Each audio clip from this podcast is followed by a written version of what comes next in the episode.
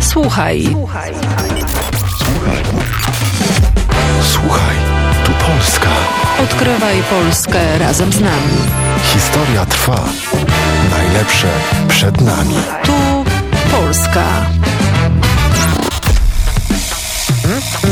Польська редакція National Geographic Traveler склала цьогорічний рейтинг найкращих польських місцин. До нього потрапили місця, які варто відвідати 100%, коли відкриються кордони. На звання чудеса Польщі 2023 номіновано 48 туристичних об'єктів. Про 16 лауреатів чудес Польщі по одному у кожному воєводстві запрошую познайомитися у сьогоднішньому випуску Слухайту Польська. Це польсько-український проект, створений за сприяння фундації вольності демократія в рамках проекту Польська платформа медіальна. Також дякуємо за співпрацю медіа-центру Третя столиця. Мене звати Андрій Конько. і Наступні півгодини проведемо разом.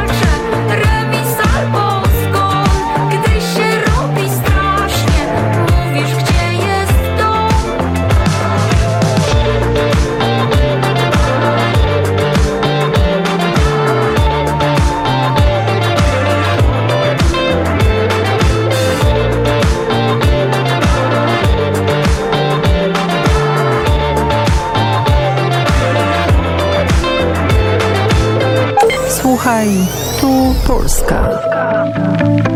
Бардо, місто, розташоване між схилами Барських гір у воєводстві Дольношльонським, є природними воротами до землі Клоцко. Це на південному заході Польщі. Побудоване на пагорбі містечко зберегло свій старовинний дух і ще пам'ятає історію навіть з 10 століття, коли повз Бардо пролягав бурштиновий шлях. Якраз близькістю бурштинових шляхів польське містечко Бардо схоже із нашим містом Рівнем. Основна фішка і секрет цієї перлинки те, що місто розкинулося у вигині річки Ниса Клоцка. Водойма ніби омиває це місто. Серед незвичних пам'яток містечка, наприклад, чудотворна фігура Богородиці, велична базиліка, прекрасний кам'яний міст. Але перш за все, це дуже гарна бардська ущелина, тобто унікальний і найкрасивіший відрізок долини ріки Ниса Клоцка, який можна пройти як понтоном, так і проплисти на каное. Тому бардо ідеально підходить для любителів водних видів спорту. Тим більше, що Ниса Клоцка має спокійну течію у цьому місті. Найкраще їхати сюди навесні, а ще краще влітку. Ще Бардо сподобається любителям трекінгу, адже тут пролягають траси низьких барських гір, а їх перевагою те, що це невисокі узвища, і аби пройтися тутешніми гірськими стежками, не треба бути в олімпійській формі. Тобто краєвиди дуже мальовничі. Є річка і кількасотрічні кам'яниці, які дихають історією. Вартий уваги також кам'яний міст 16 століття з характерними елементами готики і затишна площа біля ратуші. Обрив Бардський ще одна перлинка. Це розташований на висоті 390 метрів над рівнем моря оглядовий майданчик, з якого можна милуватися панорамою міста, оточеного водою і лісистими горами навкруги. Крім того, тут є де помандрувати велосипедами. Покровителькою Бардо здавна є Богородиця. Місцеві кажуть, що колись дуже давно тут траплялися об'явлення Діви Марії, а на місці, де Божа матір нібито торкнулася ногою землі, б'є джерело. Вода з нього нібито має цілющі властивості. Отож, якщо бути довго десь дуже далеко від цивілізації вам не хочеться, то Бардо це, це те місце для ідеальних коротких мандрів і навіть одноденної подорожі, особливо для жителів південно-західної Польщі. З півдня на північ на півночі Польщі у Куявсько-Поморському воєводстві є місто Бидгощ. Через нього протікає ріка Бреда, її притока Млиновка. І ось на ній є виспа Млинська з млинами Родера. Прекрасний анклав зелені в самому центрі міста. Він і забезпечив острову млинів місце в цьогорічному рейтингу топ найпривабливіших місць у Польщі за версією National Geographic Traveler. Цей острів нагадує традиції млинів і давню історію королівського монетного двору. А ще будинки 19 століття, відомі як Бидгощська Венеція, височіють просто над плесом швидкоплинної ріки Млиновки. Млиновий острів є одним із найкрасивіших ландшафтів Бидгоща завдяки численним набережним, бурхливим греблям, мінзаводським каскадам. Тут також багато зелені і будинків над водою, які називаються, як я вже казав, Бидгощською Венецією. Все це розташоване у зоні старого міста. Млиновий острів став символом тісного симбіозу міста Бидгощ із річками та каналами. Острів має рекреаційні та культурні функції завдяки наявності численних музеїв і близькості до опери Новий.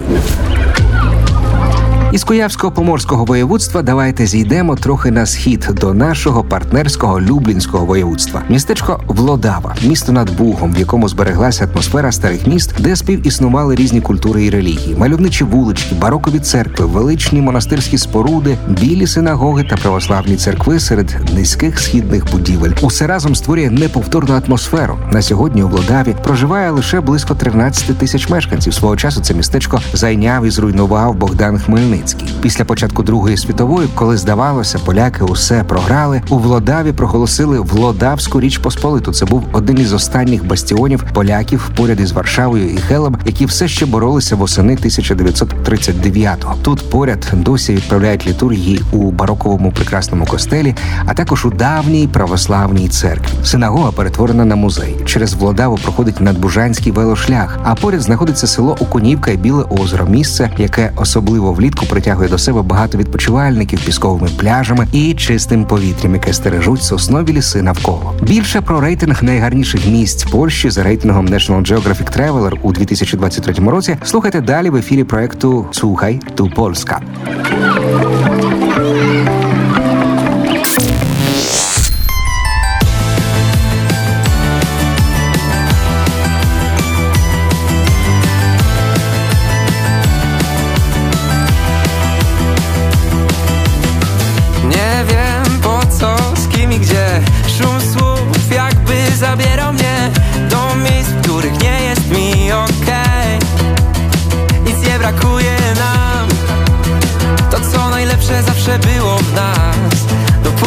Mamy siebie sprzyja wiatr Wino, ty i ja.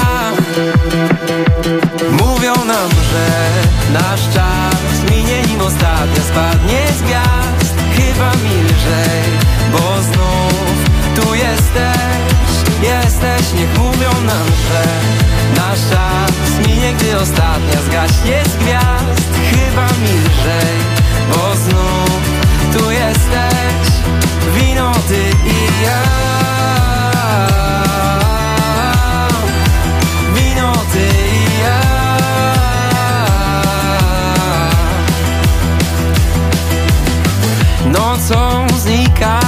jak cień. No choć chcesz to poszukaj mnie. Gdzieś, gdzie to wszystko będzie tłem. Wciąż odpowiedzi brak. W które słowa wierzyć trzeba nam. I kiedy znowu jest coś nie tak Ja nie chcę być tym sam. Mówią nam, że nasz czas minie nim ostatnia spadnie z gwiazd. Chyba milżej, bo znów tu jesteś. Niech mówią nam, że nasz czas minie, gdy ostatnia zgaśnie z gwiazd. Chyba milżej, bo znów tu jesteś. Wino, ty i ja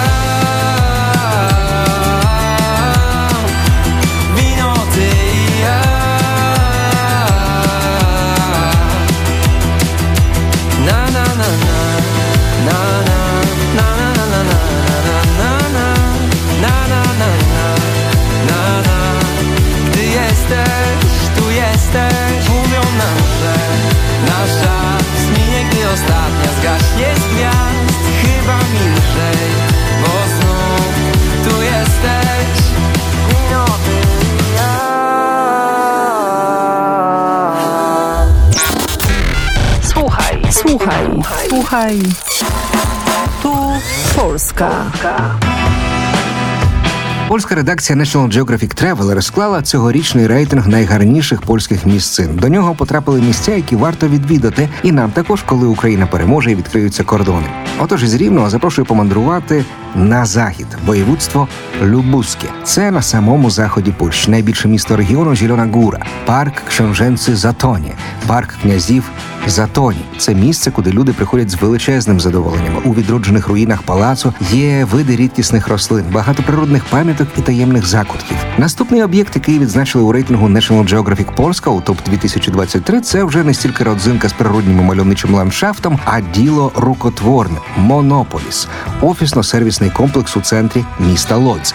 Назва та промислова архітектура відсилають до колишніх заводів Монополь Бучани, які знаходилися на цьому місці. Саме так тут був спиртзавод і вироблялася горілка. Сьогодні в монополісі можна провести час за столиком в одному із кафе, а потім відвідати виставку на сцені Монополіс або ж виставку віртуального мистецтва. Ще один сучасний об'єкт, який рекомендують підписники польського National Geographic – науковий парк Торус у Чеханові. Це Мазовецьке воєводство, сам центр Польщі. Науковий парк розташований поруч із однією з найвідоміших водонапірних веж у світі. Міжнародну популярність вежа Тор отримала, коли зайняла п'яте місце у рейтингу найбільш незвичних споруд подібного типу у всьому світі, складеному авторитетним виданням World Geography. Виглядає ця вежа дуже футуристично. Вершина вежі нагадує бублик, який ніби лежить на сотнях променів, які простягаються до гори, перетинаючись і утворюючи потужну конструкцію. Такий собі гіперболоїд, який, попри все, випромінює легкість. Простіше кажучи, ця вежа схожа на вишуканий високий келих для пива чи кубок у формі пісочного годинника, тобто розширяється в основі і на вершині. Виглядає Фантастично, варто загуглити. А біля підніжжя цієї вежі є науково-технічний сучасний музей, де можна все смикати, крутити, переключати і пізнавати таким чином світ і точні науки. Тобто, в це місце особливо цікаво буде потрапити батькам із дітьми і підліткам. Ще одне з місць, які польська редакція National Geographic радить, це фортеця у місті Ниса. Це в опольському воєводстві на заході Польщі. Місто під назвою Сілеський Рим. Це чарівне місце із численними безцінними пам'ятками та величною однією з найсильніших і найсучасніших фортець Європи 19 століття.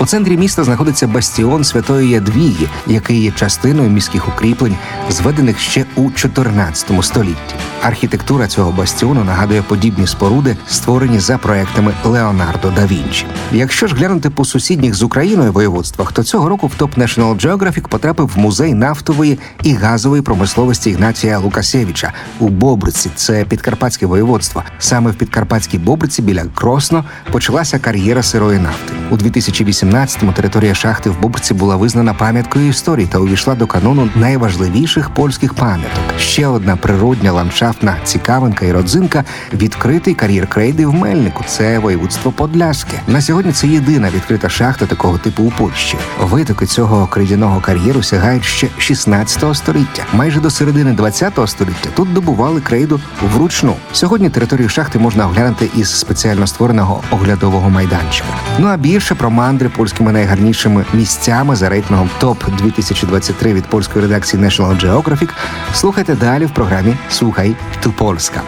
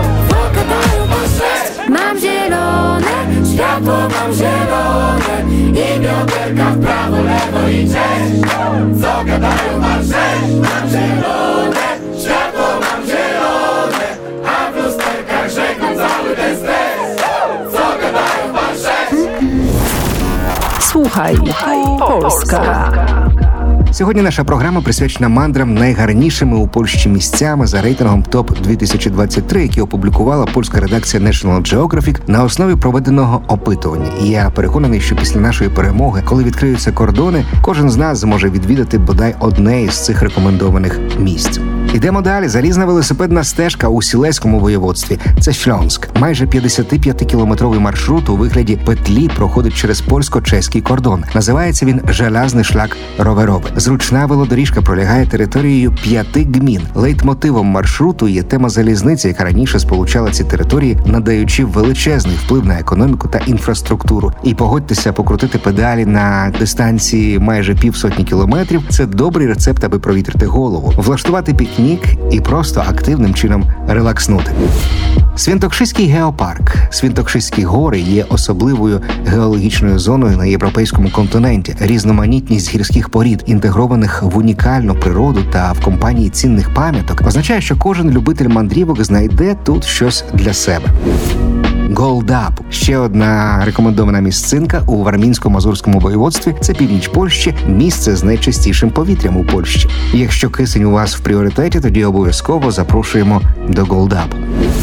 Мазурські тенджні Соранкове, четверте за величиною в Польщі, киплять життям у курортному районі. Здруй заохочує відпочити. Цілий рік працює тут сучасний бювет мінеральних та лікувальних вод із соляною печерою та міні-випускними вежами. Антідотом Ейршоу у Лешно це великопольське воєводство. Це вже не місце, це дійство, на яке з'їжджаються подивитися не лише гості із Польщі, а й з-за кордону. Це авіашоу в авангарді найбільших авіаційних виставок у Польщі. Протягом двох днів небо над Лешно наповнюється віртуозними польотами на повітряних кулях, сміливими виступами акробатичних груп, феноменальною піротехнікою та живою музикою, яка створює атмосферу. Огроди Гортулус в Добжиці це воєводство Заходньопоморське, західна північ Польщі. Тут розташований комплекс, що складається із двох садів різного характеру. Тематичні сади Гортулус і Гортулус Спектабіліс розташовані на відстані двох кілометрів один від одного, і кожен має власну інфраструктуру. Сади можна відвідувати самостійно або два сади за один день. У будь-якому разі ця подорож буде цікавою і корисною. Сподіваюся, після нашої перемоги, коли кордони знову відкриються для всіх, кожен із нас зможе самостійно прокласти маршрут по тих точках, які здивують, надихнуть і дозволять відчути, як повітря наповнюється щастям. Більше про природні і географічні цікавинки Польщі можна знайти на сайті National Geographic.pl, Суда Польські. Ну а ми на нашому проєкті Слухайте Польська на цьому завершуємо. Тримаємо стрій, допомагаємо наближати перемогу і підтримуємо наше воїнство військових, які формують той кулак, який б'є і проганяє погань з нашого kraju. Wszystkim Polakom, którzy walczą z nami, wielki szacunek i podziękowanie. Razem zwyciężymy.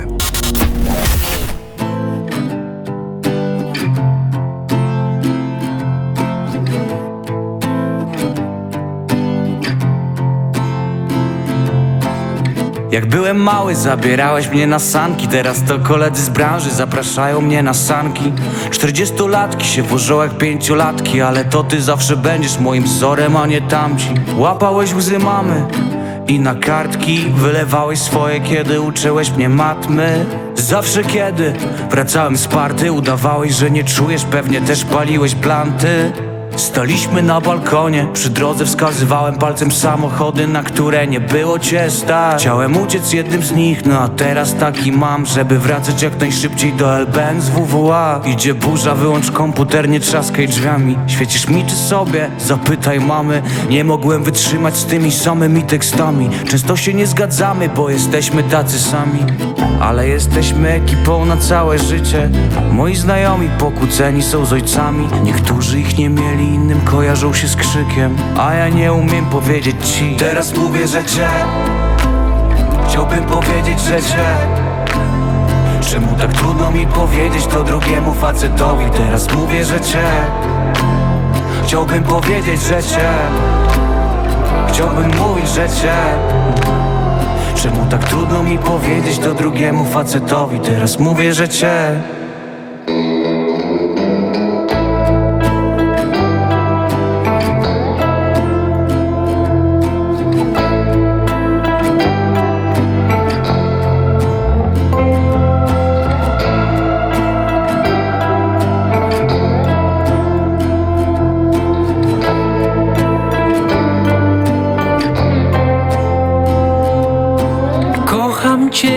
późno, śpi.